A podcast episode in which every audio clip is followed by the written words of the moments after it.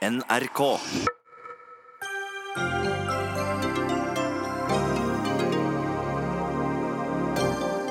Tre topper i ledelsen i Universitetssykehuset Nord-Norge slutter etter trusselpåstander. Hva er det som skjer i vårt nordligste helseregion?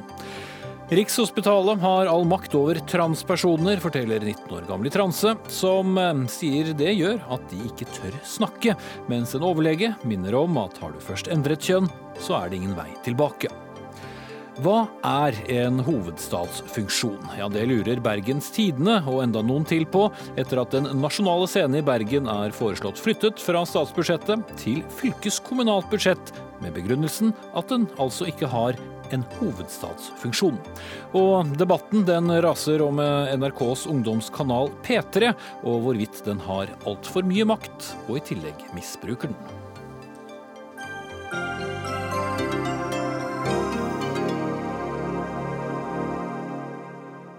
Da sier vi riktig god fredagskveld og velkommen til Dagsnytt 18 med Espen Aas. Først til dette idrettsarrangementet som i dag åpnet i Pyeongchang i Sør-Korea. Åpningsseremonien gikk av stabelen for full musikk klokken tolv norsk tid i dag, og dermed er de 23. olympiske vinterlekene offisielt i gang.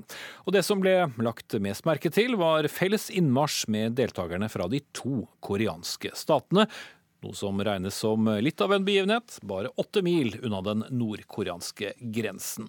Og korrespondent eh, Kjersti Strømmen, du er i OL-byen og har sett eh, åpningsseremonien. Hvordan var reaksjonene på de som du så sammen med?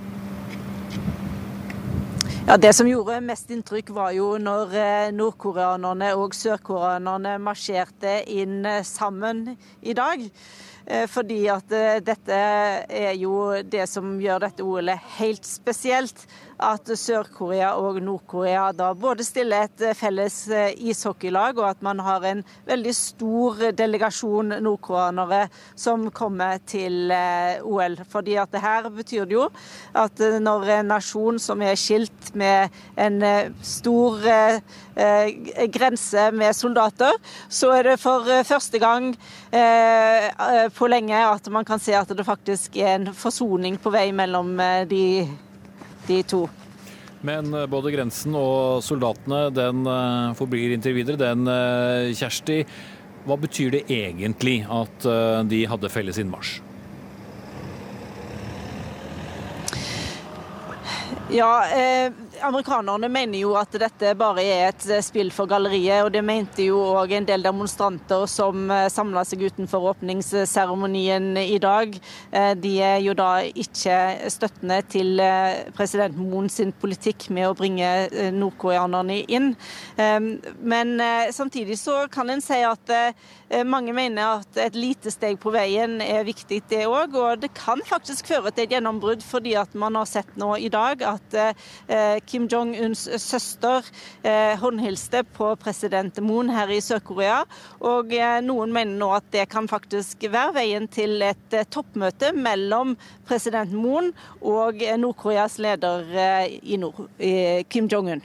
Og ikke bare det, i morgen er den samme søsteren invitert til lunsj med den samme Moon i presidentpalasset i Seoul. Ja, akkurat, Hva slags forventninger er det, er det til det møtet? Da, kan kan være begynnelsen til noe mye større, og altså et toppmøte, at det kan føre til det etter OL. Da sier vi takk til deg, Kjersti Strømmen, med oss fra, eh, fra eh, lekene i, i Sør-Korea. Og vi skal her i studio vende oss mot deg, vi. Damli Choi, du er norsk-koreaner og redaktør av kulturmagasinet Subjekt. Og vi må vel også nevne at din far deltok i OL for Sør-Korea i Innsbruck i 1964. Helt riktig. Er det som vi så noe mer enn bare symbolpolitikk? For det har jo selvfølgelig blitt eh, skrevet eh, om og blitt bemerket nærmest verden over. Ja, eh, symbolpolitikk Eh, kan jo være starten på noe eh, bedre reell politikk også. Og eh, i det hele tatt så er dette en vilje som vises fra begge sider, som jo kan være en barteravtale mellom Nord- og Sør-Korea, fordi at begge to blir veldig populære utenfor sine egne land bare ved å kommunisere på den måten som de gjør nå. Så jeg syns uansett om det er symbolpolitikk, så er det god symbolpolitikk. Det symboliserer at begge har en vilje og interesse i å kommunisere med hverandre, og det er en fin ting. Vi skal snakke mer om det om litt, men jeg skal eh, vende meg mot Bergen og Inger Merete Hobbelstad, kulturjournalist i Dagbladet. Du har sett åpningsseremonien via fjernsyn i dag. Hva var ditt inntrykk?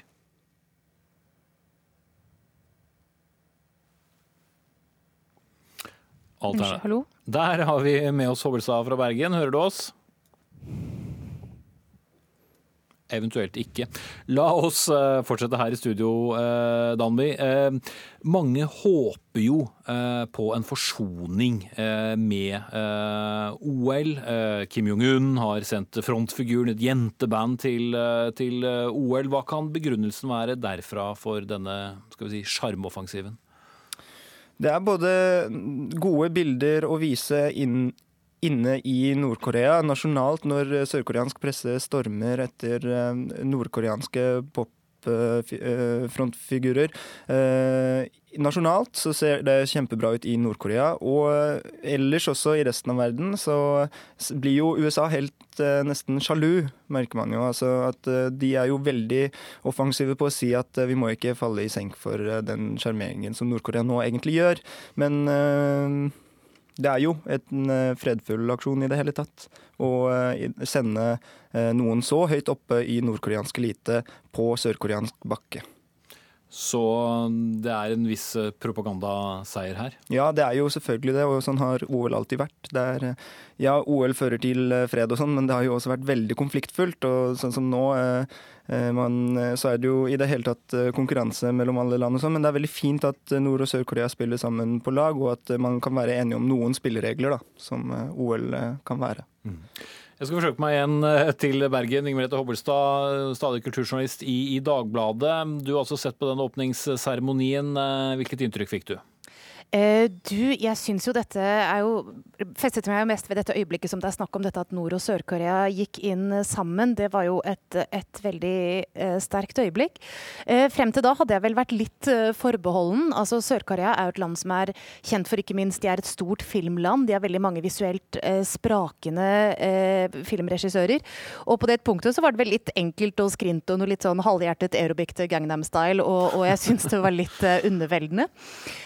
men så tok det jo veldig av etter det, og noe jeg må si jeg syns var Ja.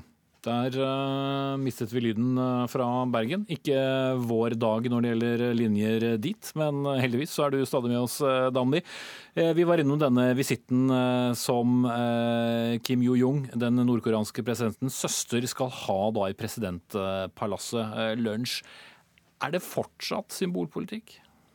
Nei, og eh, som det ble nevnt eh, introduksjonsvis eh, fra reporter som er til stede, så er det mange som nevner at det kan bety at man avtaler videre møter osv. Men man må Symbolpolitikk. Altså, de har jo møttes for første gang på så mange år på en fredfull måte. Forrige gang Sør-Korea arrangerte OL, så boikottet Nord-Korea i tillegg til nettopp å ha skutt ned et fly. Det er liksom det motsatte som skjer nå. Så om fred er symbolpolitikk og krig er liksom eh, det normale, så ser man litt feil på det, syns jeg. Men eh, det er jo absolutt en start på noe. Men at liksom, eh, det kommer til å bli noe forening av Nord- og Sør-Korea, det tror jeg ikke noe på. Vi var jo innom amerikanerne så vidt her i sted, og de spiller jo en, en rolle. Den amerikanske visepresidenten Mike Pence er ikke så begeistret for denne tilnærmingen. Hva kan grunnen være? Det er jo mange grunner til det, og jeg skjønner også Sør-Korea, eh, de motstandsbevegelsene. For i det hele tatt så er Nord-Korea under sanksjonering fra FN. Og eh, det handler om Altså, det er en kamp mellom medmenneskelighet et samvittighetsproblem hos det sørkoreanske folket, versus at Eh, Nord-Korea også har brutt så mange regler. Da. De holder, har ikke forholdt seg til avtaler.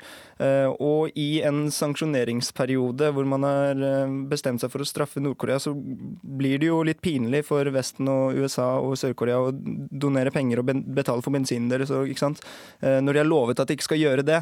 Så jeg skjønner begge sider av bordet her nå, men det går an å nei, altså snakke fredfullt Eh, i mye større grad enn man har gjort før, og man er i gang med noe med disse vinterlekene. Helt kort til slutt, når eh, lysene slukkes og de vanlige programmene kommer tilbake på, på fjernsynet, er det grunn til optimisme å tro at dette kan fortsette i positiv retning? Eh, jeg tror det. Moon Jae-in representerer en eh, bevegelse som er eh, for en samling og for fred, i motsetning til Park Geun-hye, som var fra det konservative partiet og representerte litt det motsatte. Men vi får se hva som skjer. Jeg tror i hvert fall at det er mye bedre enn introduksjonen til OL i 1988. Så man håper jo i hvert fall på diskusjoner foran ja, militære oppbygginger og oppissinger, da. Takk skal du ha, Dan Bishoy, ansvarlig utgiver av Subjekt. Dagsnytt 18 alle hverdager kl 18.00 på NRK P2 og NRK2.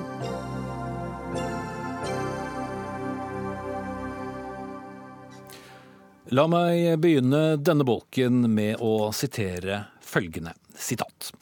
Bortsett fra den sporadiske påminnelsen om at helvetesilden venter på deg, eller et lite slag i trynet på byen, har den norske offentligheten kommet ganske langt når det gjelder sitt syn på transpersoner.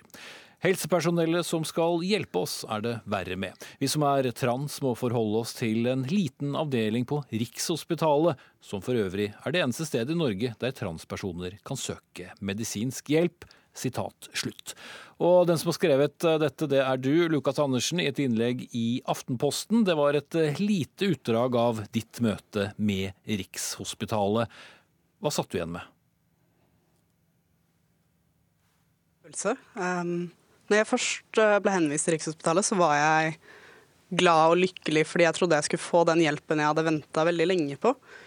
Uh, men jo flere møter jeg hadde med Rikshospitalet, jo tydeligere ble det at de hadde en veldig stereotypisk tilnærming til kjønn, hvor du måtte leke med Lego eller biler som barn for å være gutt. Du måtte være heterofil. Og de så på deg som en person som var psykisk syk, og, ikke, eh, og de tok ikke hensyn til din definisjon av det å være trans. Så til slutt så ble jeg skuffa, og til slutt så klarte jeg ikke å gå til behandling på Rikshospitalet lenger på bakgrunn av de samtalene de førte med meg. Mm. Du omtaler deg selv da som en transmann. Hvordan definerer du det? Jeg definerer det som at uh, når jeg ble født, så ble jeg tildelt kjønnet kvinne. Men det stemmer ikke med det kjønnet jeg oppfatter meg selv som. Uh, jeg oppfatter meg selv som mann, og jeg har også vært mann eller gutt hele livet. Rikshospitalet opererer med en idé om at du er en kvinne som blir til en mann, og det er en definisjon jeg ikke godtar. Mm, så det var den definisjonen du opplevde da fra helsevesen? Ja. Du er nå 19 år, men ble altså henvist til Rikshospitalet som 14-åring av psykolog. Hvordan kunne du allerede så tidlig vite at det var det som var riktig? Det har alltid vært en, eh, en tanke om at noe har vært feil eh, gjennom hele oppveksten. Um, når folk har sett på meg som jente eller behandla meg på en sånn stereotypisk uh, måte, så har jeg alltid tenkt den tanken. Uh, når jeg gikk i fjerde klasse, så fikk jeg første gangen et begrep for det. Og etter at jeg skjønte at det var Det var ikke noe som bare var oppi hodet mitt, det var noe andre opplevde, så var det uh, noe jeg kunne bli sikker på, fordi jeg skjønte at det var noe mer enn bare i hodet mitt. Mm. Du har også skrevet uh, i den samme artikkelen at uh, man er opptatt av å presse kjønn ned i en liten firkantet boks som kanskje passer noen få utvalgte. Hva mener du med det? Eh, jeg kan jo ta som eksempel at når jeg var yngre, så hadde jeg en del venner som var i drilltroppen i korpset.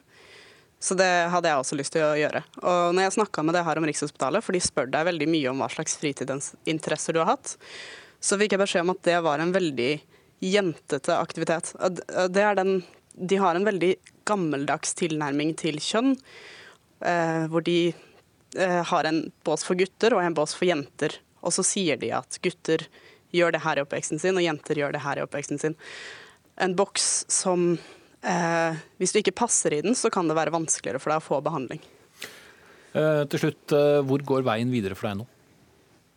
Veien videre for meg den er usikker. Eh, jeg har avslutta behandling på Rikshospitalet, og i og med at det ikke er mulig å gå noen andre steder i Norge, så er det um, Det neste valget mitt er kanskje å reise til Sverige og betale av egen lomme for de operasjonene jeg trenger for å leve et bedre liv.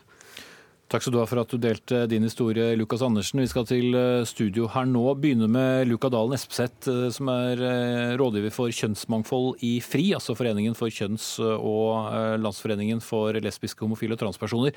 Dere får da daglige telefoner fra personer som opplever seg som et annet kjønn enn det man ble registrert med ved fødselen. Hva forteller de om sine møter med, med Rikshospitalet, som de da skal innom? Ja, uh, vi vil si at uh, Lukas sin historie er veldig typisk. Vi er stadig i kontakt med uh, ungdommer, foreldre og voksne folk som sier at de blir dårlig møtt på Rikshospitalet. Som opplever at de ikke blir sett som den de er, og at deres behov ikke blir tatt på alvor. Og vi ser også fra statistikken at svært mange blir avvist.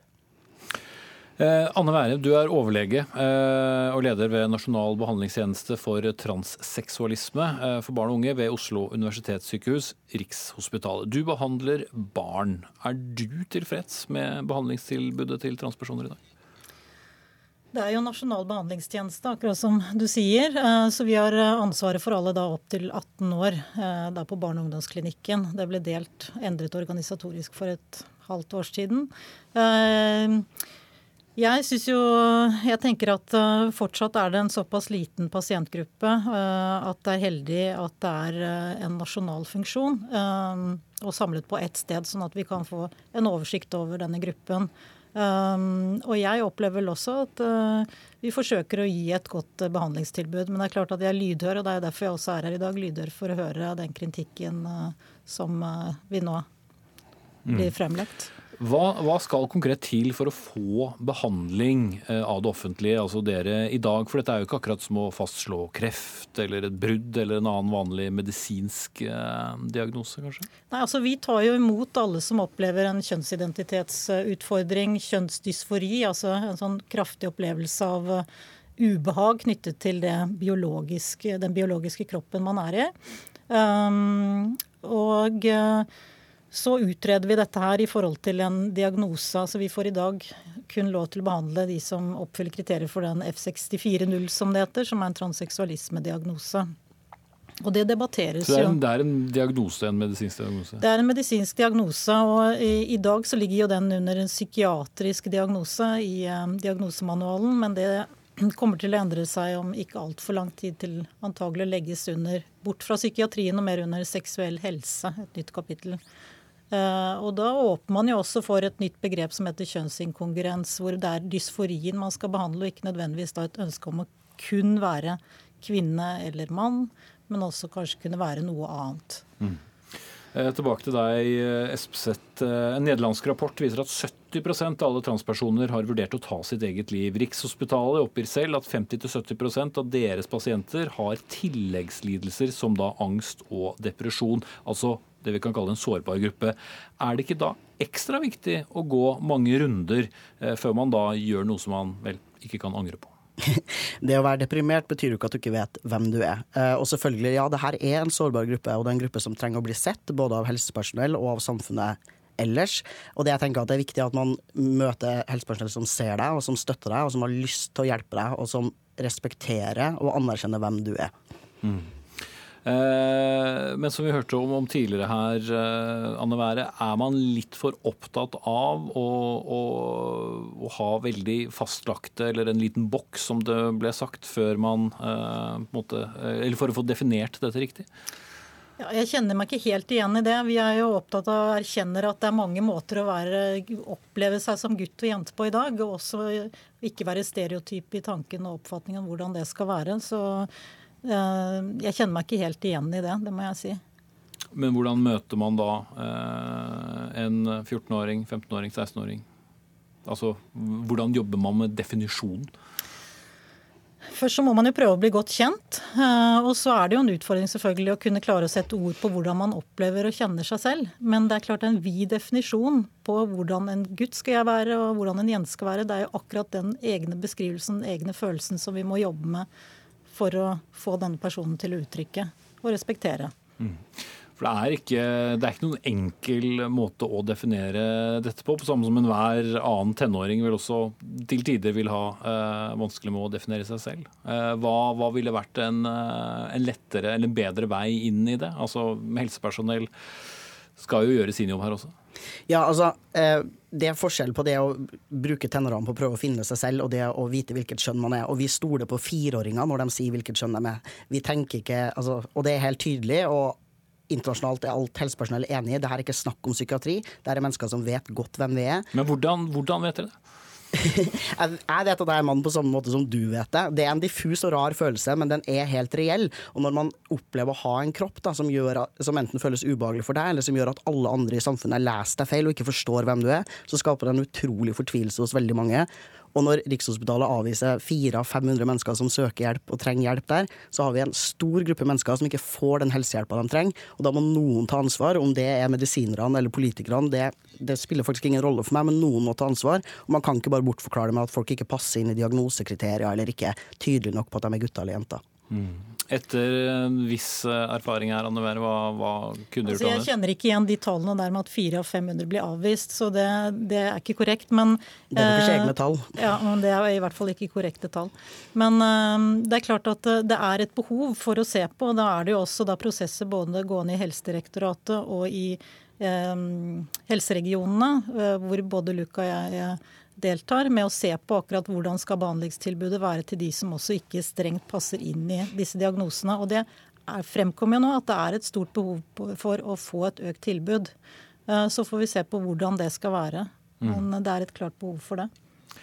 Og de kommer jo til dere etter en henvisning fra psykolog. Eh, de sier selv de ikke opplever eh, å ja, eh, ha det kjønnet som da står på, på, fødselsattesten, men det er alene da ikke nok for å få behandling, hvis jeg forstår dette riktig. Altså, man skal da gjennom en del runder. Mm. Ja, man må jo prøve å utforske og finne ut hvordan identiteten er, og også snakke med pasientene. og Det tar lengre tid, og det er en del som har også andre tilleggslidelser som man må jobbe med parallelt. Men Det utelukker jo ikke noe behandling, men det må også ivaretas. Mens du Luka, skulle ønske det var hvordan? Nei, altså, eh, Det kom en rapport for to år siden som er veldig tydelig i anbefalingene på det feltet. her. Man tenker at eh, behandlinga må være mer individuelt tilpassa den enkelte sine behov. Folk må få mer medbestemmelse over sitt, sin egen kropp og sitt eget liv. Og man må bli trodd og sett av helsepersonell. I tillegg så har det blitt stilt spørsmålstegn ved både liksom den faglige kompetansen på Rikshospitalet og det faktum at dere ikke har ressurser til en stadig økende pasientgruppe og mange mange flere mennesker som har behov. Og jeg tenker at Den rapporten må følges opp, og man er nødt til å komme med tiltak hvor ikke all makt skal ligge på en liten avdeling på Rikshospitalet, så man må ha mer kompetanse. altså men det er vel poenget å samle kompetansen der den kan være? Eller i og med Dere er jo fortsatt en, en liten gruppe?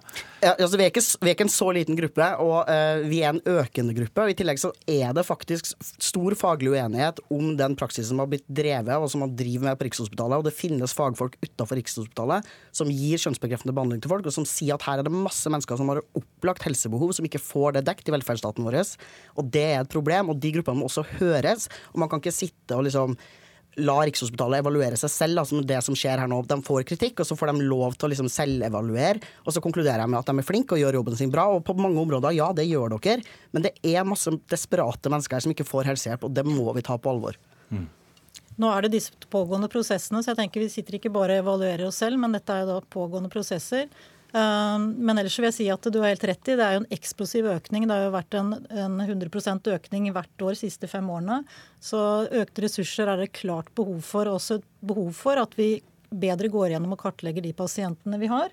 Og også bedre kan følge pasientene våre opp. Sånn at vi kan si noe om behandlingen fungerer og er tilfredsstillende. Mm. For med en så stor økning så ville man kanskje også sett for seg at behandlingen ville også endre seg det er jo det som debatteres nå, om det skal være sentralisert eller ikke. Det er en pågående debatt. Mm. Mm. Men hva vil du si om det um, arbeidet, Espet? altså, jeg mener at det har blitt gjort et godt arbeid i rapporten Rett til rett kjønn, helse til alle kjønn. Der er det et overveldende flertall som anbefaler at man desentraliserer og lager et behandlingstilbud som er tilpassa den enkeltes behov. Den rapporten ble hørt på når man lagde den nye loven om endring av juridisk kjønn. Da ble flertallet hørt.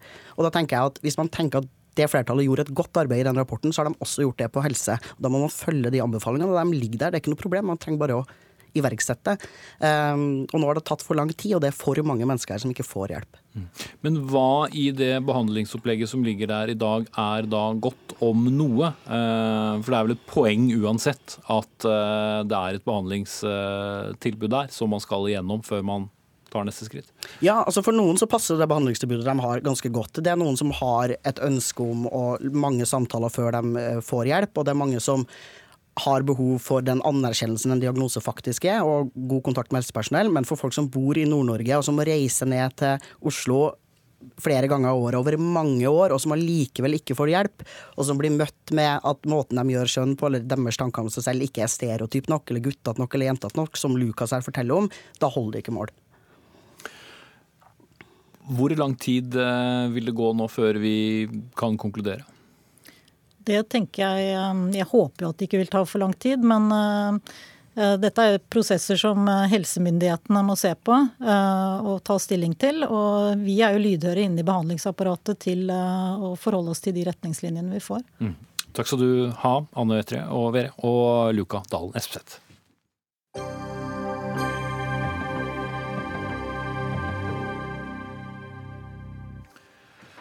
Det er um, full storm ved Universitetssykehuset Nord-Norge, eller UNN. I dag ble det kjent at både administrerende direktør, styreleder og nestleder i styret trekker seg, og det med umiddelbar virkning. Redaktør i Dagens Medisin, Markus Mo, hva er det som skjer?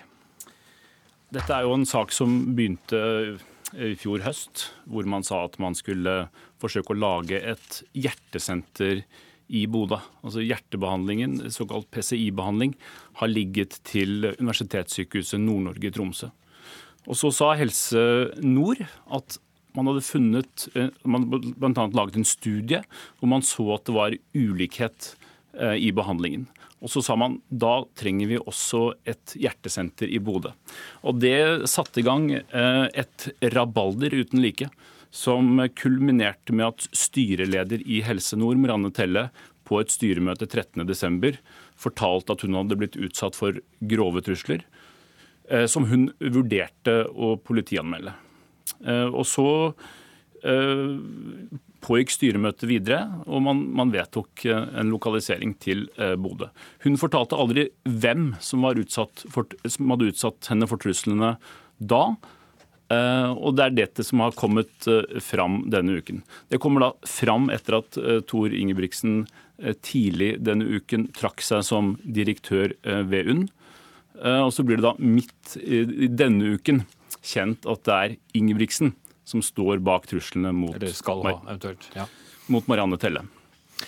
Du blir med oss eh, videre, Markus Moe. Vi skal til avtroppende styreleder ved UNN, eh, Jorhild eh, Andreassen. Du er altså en av tre toppledere ved sykehuset som i dag forsvinner med umiddelbar virkning. Hvorfor si opp på en så dramatisk måte? Ja, en, jeg har en fleredelt begrunnelse for det. Den, det handler om tillit. Det handler om legitimitet. Det handler om, eh, det handler om eh, si, troverdighet. Men det som det kanskje i første og største grad handler om, og som kanskje burde være mest interessant, og som er større enn både Tor Ingebrigtsen og, og eh, Joril Andreassen og Erling Espeland sin avgang, det er jo det faktum, også som det også pekes på her, at det vedtaket som ble fatta i høst, ble i UNN oppfatta som om at man la seg på en annen linje i forhold til de funksjonene som universitetssykehuset skal ha. Og hva det kunne komme til å, å bety for de sårbare fagmiljøene som tross alt er på uh, Norges minste universitetssykehus. Og dermed er altså tilliten mellom Helse Nord, som altså eier UNN, og selve sykehuset da borte? Nei, så Tilliten er ikke borte. Det er slik at eh, styret i UNN, Et enstemmig styre eh, i UNN eh, anbefalte at man ikke skulle opprette et PCI-tilbud i Bodø. Så ble det vedtatt, og Helse Nord er vår eier. Helse Nord er de som avgjør. Det ble fatta et vedtak der om at det skulle opprettes. Og det forholder UNN seg lojalt til. Det ble jo også vedtatt at det var på en måte UNN som skulle ha ansvaret for at disse tingene skulle gå igjennom. og og at man skulle klare å få det her til. Jeg kjenner til, eh, og til tross for at jeg er avgått styreleder, så vet jeg jo det at den prosessen med å bygge opp i Bodø allerede er i gang. Og at man har grupper som jobber med det. Mm. Men den prinsipielle debatten i forhold til det her, det er jo hvor mye stress og press tåler et lite fagmiljø. Og hva vil det på en måte bety for det totale tilbudet for befolkninga i Nord-Norge. Hvordan, Ja. Eh, hvordan hjelper det sykehuset og behandlingen at du trekker deg? Nei, altså Det hjelper ikke behandlinga i det hele tatt, men eh, det har gjort noe med min motivasjon for å stå på. Også når jeg føler at jeg gjennom eh, forskjellige handlinger den siste tida ikke lenger har den tilliten som jeg føler at jeg trenger i forhold til både styreleder og også administrerende direktør i Helse Nord.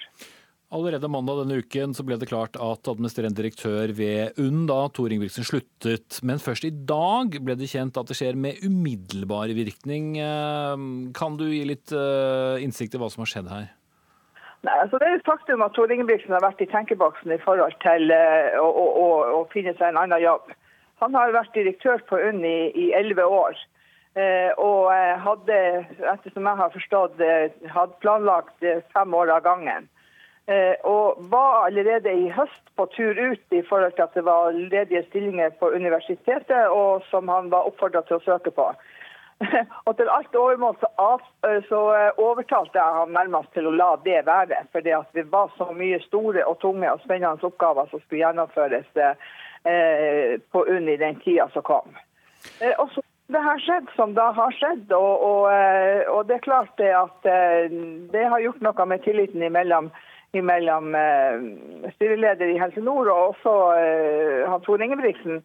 Sånn at eh, når denne støyen kom opp, så er vi igjen tilbake på at denne saka er større enn både han Tor Ingebrigtsen og meg. Det handler om at en så stor institusjon, og som er så vesentlig for, for både de, de, ansatte ved UNN, og ikke minst for pasientene i hele Nord-Norge, fortjener å ha arbeidsro eh, i forhold til det de skal gjøre og være sikker på at det er tillit mellom de som skal legge rammebetingelsene for det.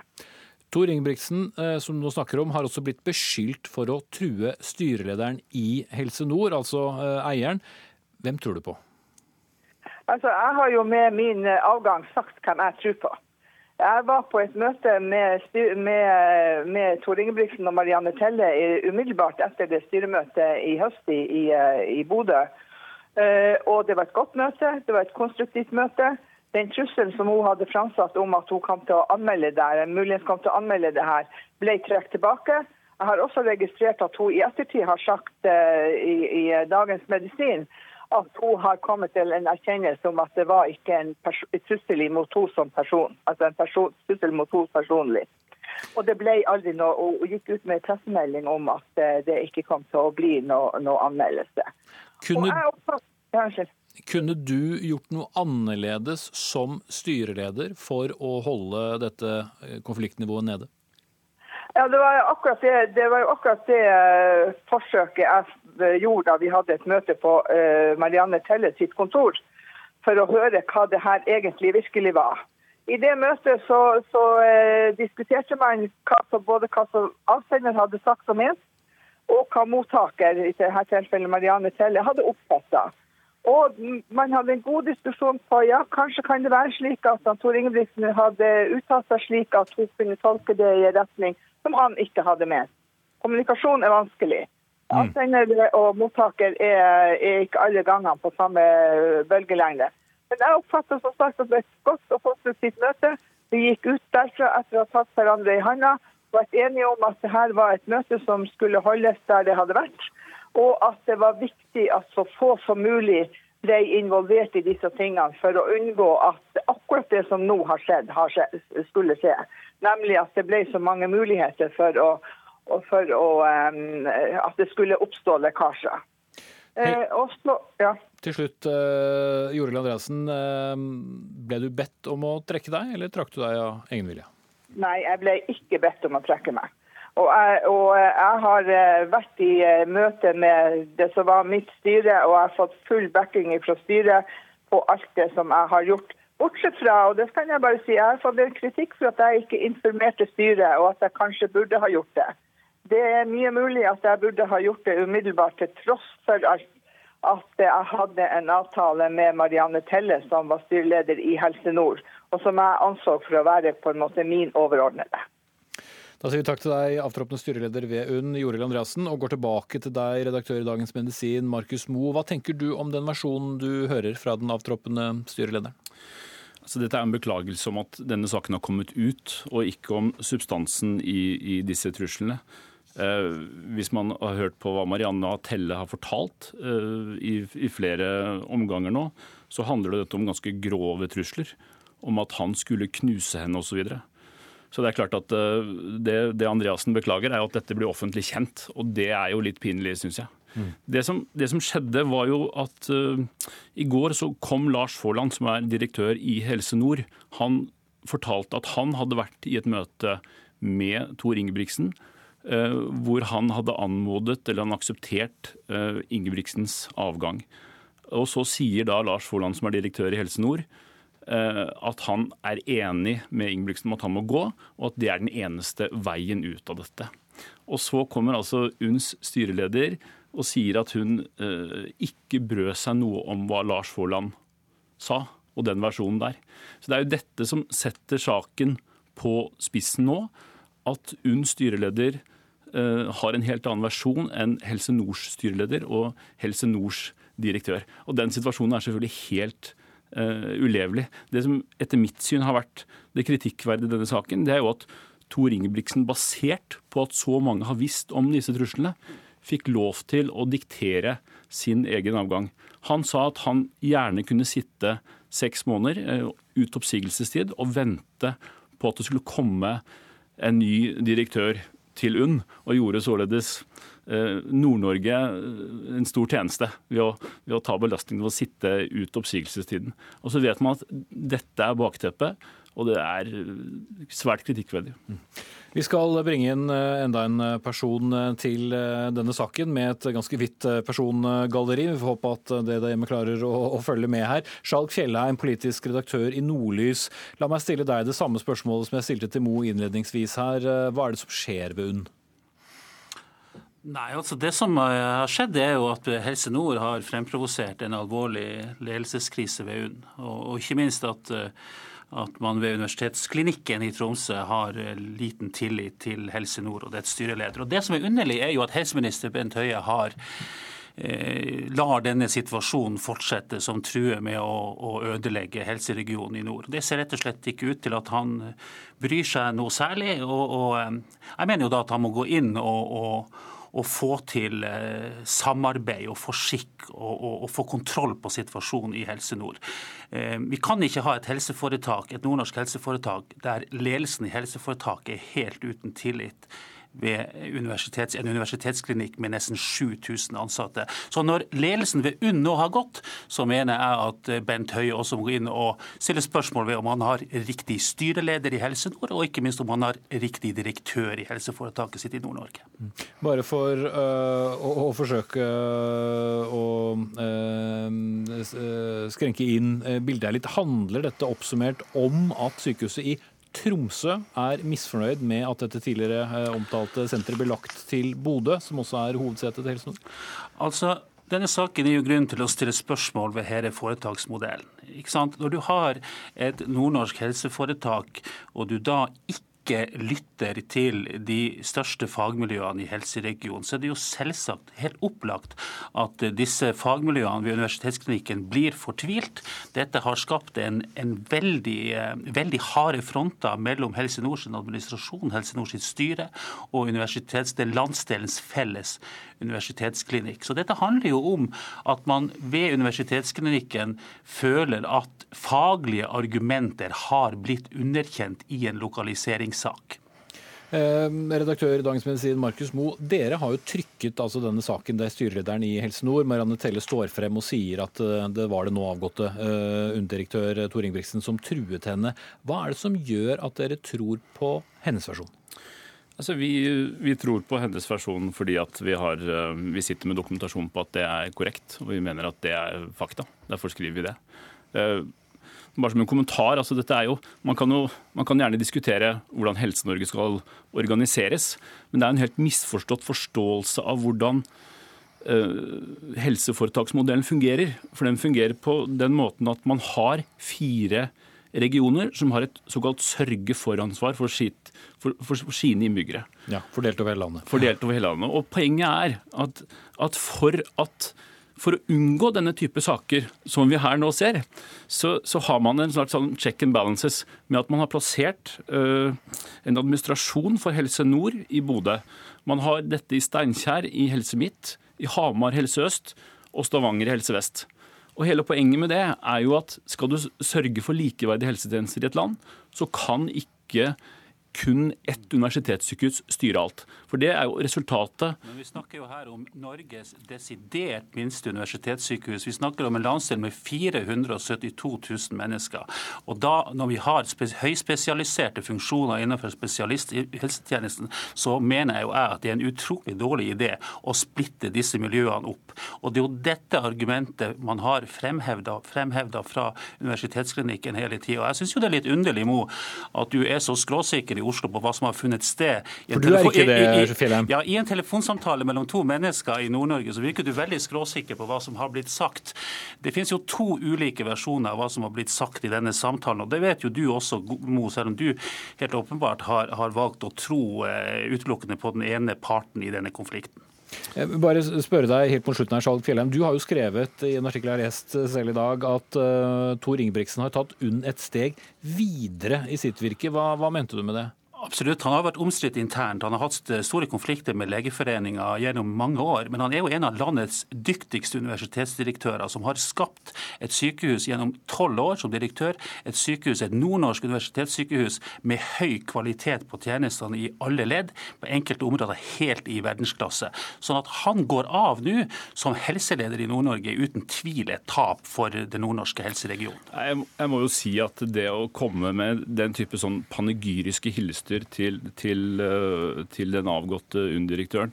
Det, det, undrer jeg meg over. Jeg undrer meg over journalistikken uh, og hvordan man åpenbart kun ser én side av, av, denne saken. Og, men, Som for så vidt Fjellheim sa at du gjorde? Ja, altså Jeg aksepterer uh, kritikk, men poenget er at, at altså man må se på hvordan er modellen fundert. Og den er fundert sånn at her i denne saken så har sagt at det er ulikhet i behandling, og så har forsøkt å gjøre noe med det. Jeg tror det er veldig vanskelig for alle oss å si noe om hvordan blir PCI-tilbudet nå i Nord-Norge framover. Det tror jeg er krevende å si noe om. Men jeg syns måten man har gått frem i denne saken Man har sagt at det er ulikhet i behandlingen, og så har man forsøkt å gjøre noe med det.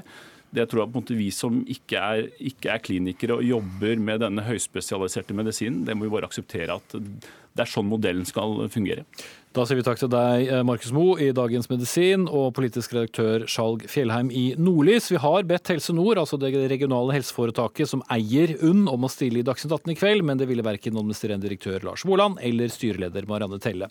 Derimot har Telle sendt oss en uttalelse der det bl.a. står at hun er glad for at Helse Nord har fått på plass et nytt styre ved UNN. Hør Dagsnytt 18 når du vil. Radio NRK Radio.nrk.no.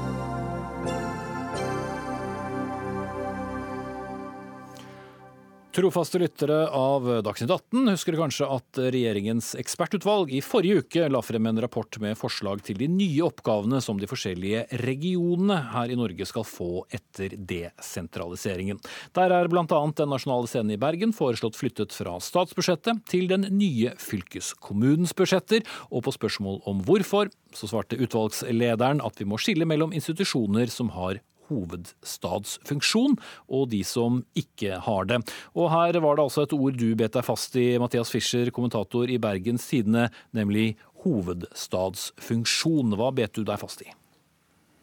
Nei, Jeg bet meg jo fast i det ordet fordi at jeg egentlig ikke helt skjønte hva det betydde. Og i hvert fall ikke i hvilken grad du kan overføre det til en scene og til et teater. Altså, Det finnes jo ingen god og klar definisjon på hva en hovedstad er, men man må i hvert fall se, tenke at det betyr eh, at det er der regjering, det er der kongen holder til, det er der Stortinget ligger og sentrale statsfunksjoner. Men at Nationaltheatret, som da er det andre statlige teateret, eh, skal ha en hovedstadsfunksjon som gjør at den skal stille seg på en annen måte enn andre teatre, det har jeg vanskelig å skjønne. Eh, og Derfor hadde tittelen på min kommentar, på min kommentar det var da 'Hva i all verden er en hovedstadsfunksjon'? Serviceinnstilte som vi er her i Dagsnytt 18, så har vi eh, Terje P. Hagen, professor i statsvitenskap ved Universitetet i Oslo, og også utvalgslederen på plass til å forklare oss det hele. Mm -hmm, ja. Og i innstillinga så bruker vi faktisk ikke dette begrepet. Vi snakker om en hovedstadsinstitusjon. Og der er altså både Det Norske Teatret, Det Norske Opera, Nationaltheatret og et par andre definert inn. Så begrepet hovedstadsfunksjon det var et som falt, et begrep eller et ord som falt i kampens hete. Og jeg er for så vidt enig med Fischer i at det er ikke spesielt presist definert. Så da forstår du forvirringen i Bergen? Eh, hvis bergenserne på en måte hadde tenkt litt nærmere på den underliggende begrunnelsen her, så tror jeg kanskje den misforståelsen aldri hadde oppstått. Det som er Poenget det er at vi gjør et skille mellom institusjoner som har et typisk regionalt nedslagsfelt, og de som har et nedslagsfelt utover regionen. Og Der vil Det Norske Teatret Det Norske Opera være gode eksempel. De har mange, mange publikummere som er utafor Oslo, som er den aktuelle regionen i dette tilfellet. Og De foreslår vi å beholde på statsbudsjettet, mens regionale institusjoner foreslår vi å legge ut til fylkeskommunene. Så sånn er det, Fischer. Ble du klokere? Ja, altså Jeg skjønner jo hva han sier, men her, her synes jeg igjen det er litt sånn at man skal se Oslo som noe helt spesielt i form av hva, hvor du skal legge teater, eller hvem som skal styre en kulturinstitusjon, det syns jeg er litt vanskelig å forstå. At uh, Den nasjonale scenen for eksempel, har jo publikummer som ikke kommer fra Bergen. Og så vil det alltid være sånn at Oslo som den største byen, uh, og som ligger da midt i, midt i Oslo-gryta med alle disse kommunene rundt med tilreisende, vil selvfølgelig institusjoner der ha flere publikummer og gjerne folk som kommer tilreisende. Det er helt naturlig. Men at det betyr at det skal være statlig styrt, altså at stortingsrepresentanter fra Finnmark og fra Bergen skal styre over eh, Nationaltheatret, mens, eh, mens eh, de samme stortingspolitikerne da skal si fra seg Den nasjonale scene eller Bergen Filharmoniske Orkester. At det, at det, skal være noe særegent Her bruker man igjen hovedstadsinstitusjon, men begrunnelsen handler jo ingenting om at, at Oslo er hovedstad. Det handler jo egentlig bare om at Oslo er en større by. Og stadig hovedstad. Det er sånn jeg oppfatter argumentasjonen her. Nei, altså begrunnelsen er knytta til det forhold at det er en del institusjoner som har et, eh, et nedslagsfelt som, er, som går utover regionen der de er lokalisert i. Så er geografi ja, da, så, det har ingenting, det har inget, så da har det jo ingenting med at det er en hovedstad å gjøre. Da har det jo å gjøre med at Oslo nettopp, er en by som er stor. Slik at en nasjonal, okay. eh, en nasjonal eh, institusjon kan godt ligge utafor Oslo. F.eks. så diskuterte ja. vi eh, Nynorsk kultursenter, som ligger i, eh, i Østa, og som har et nedslagsfelt som går utover den regionen de ligger i, som da vil være Møre og Romsdal. De har et nedslagsfelt som antagelig dekker hele, hele landet, og kanskje eller i alle fall det nynorsk... Da snakker du om publikummere når du ja, sier nedslagsfelt? Ja. ja, ja. Så det vil være naturlig å, å, definere inn som en institusjon som er, som er finansiert over statsbudsjettet. Så eh, må si at det, det, er ikke slik at politikerne skal gå inn og styre disse institusjonene. Disse institusjonene skal ha et utstrakt selvstyre. Men logikken, eller poenget med å legge det til i regionene, det er at de skal inngå i regionens eh, bygging av en kulturell identitet. Og Derfor er, eh, er, det litt rart at Bergens Tidende er såpass eh, sterke motstandere av dette som de er.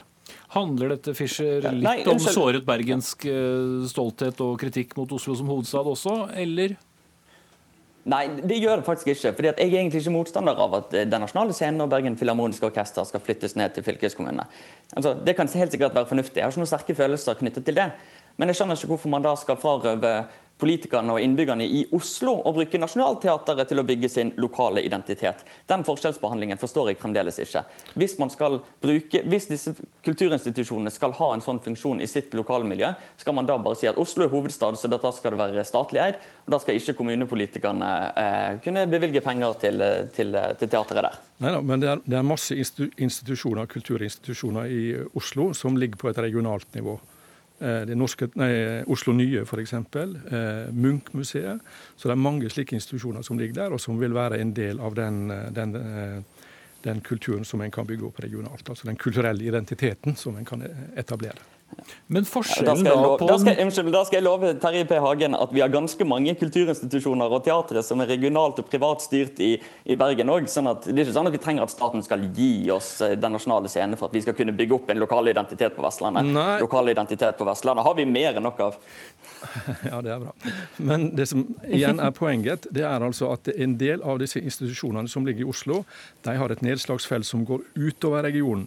Så det betyr altså at det er Oslo vil bære en del av kostnadene som egentlig skulle vært båret av andre eh, regioner. Så det er det som, som rettferdiggjør at disse blir liggende på statsbudsjettet. Eller, og det er en alternativ løsning, eh, staten går inn og subsidierer eh, Oslo kommunes eh, drift av disse institusjonene. Men, men, bare forskjellen da på Nynorsk kultursenter i Ørsta og Nasjonale Scene i Bergen, hvorfor er de forskjellige? Ja, Den nasjonale scenen i Bergen har i hovedsak et regionalt nedslagsfelt, altså innenfor, et nedslagsfelt innenfor den fylkeskommunen som den blir liggende i, som da i den nye regionen eh, blir eh, Sogn og Fjordane og Hordaland.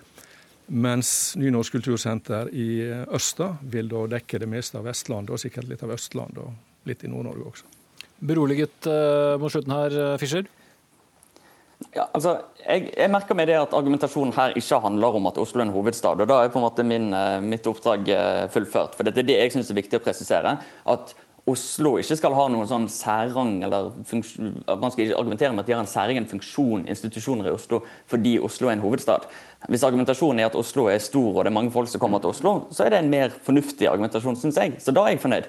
Men med den logikken som kommer her, så skjønner jeg ikke hvorfor vi ikke liker en. Da kan vi bare ta Nationaltheatret og dele eierskapet 50-50 mellom eh, Oslo og nye Viken fylke, så vil jo man oppnå akkurat det samme. Da vil det være lokalt eierskap til de som er tilreisende. Helt til slutt, eh, Terje P. Hagen. Tenker dere egentlig likt, eller um, ja, hadde dere trengt mer tid her nå? Nei, jeg syns vi nærmer hverandre, oss hverandre nokså nok kraftig. Så vi ble vel nesten enige. og det ble ledd fra Bergen. Mathias Fischer, kommentator i Bergens Tidende, og Terje P. Hagen, utvalgsleder. Takk skal dere ha.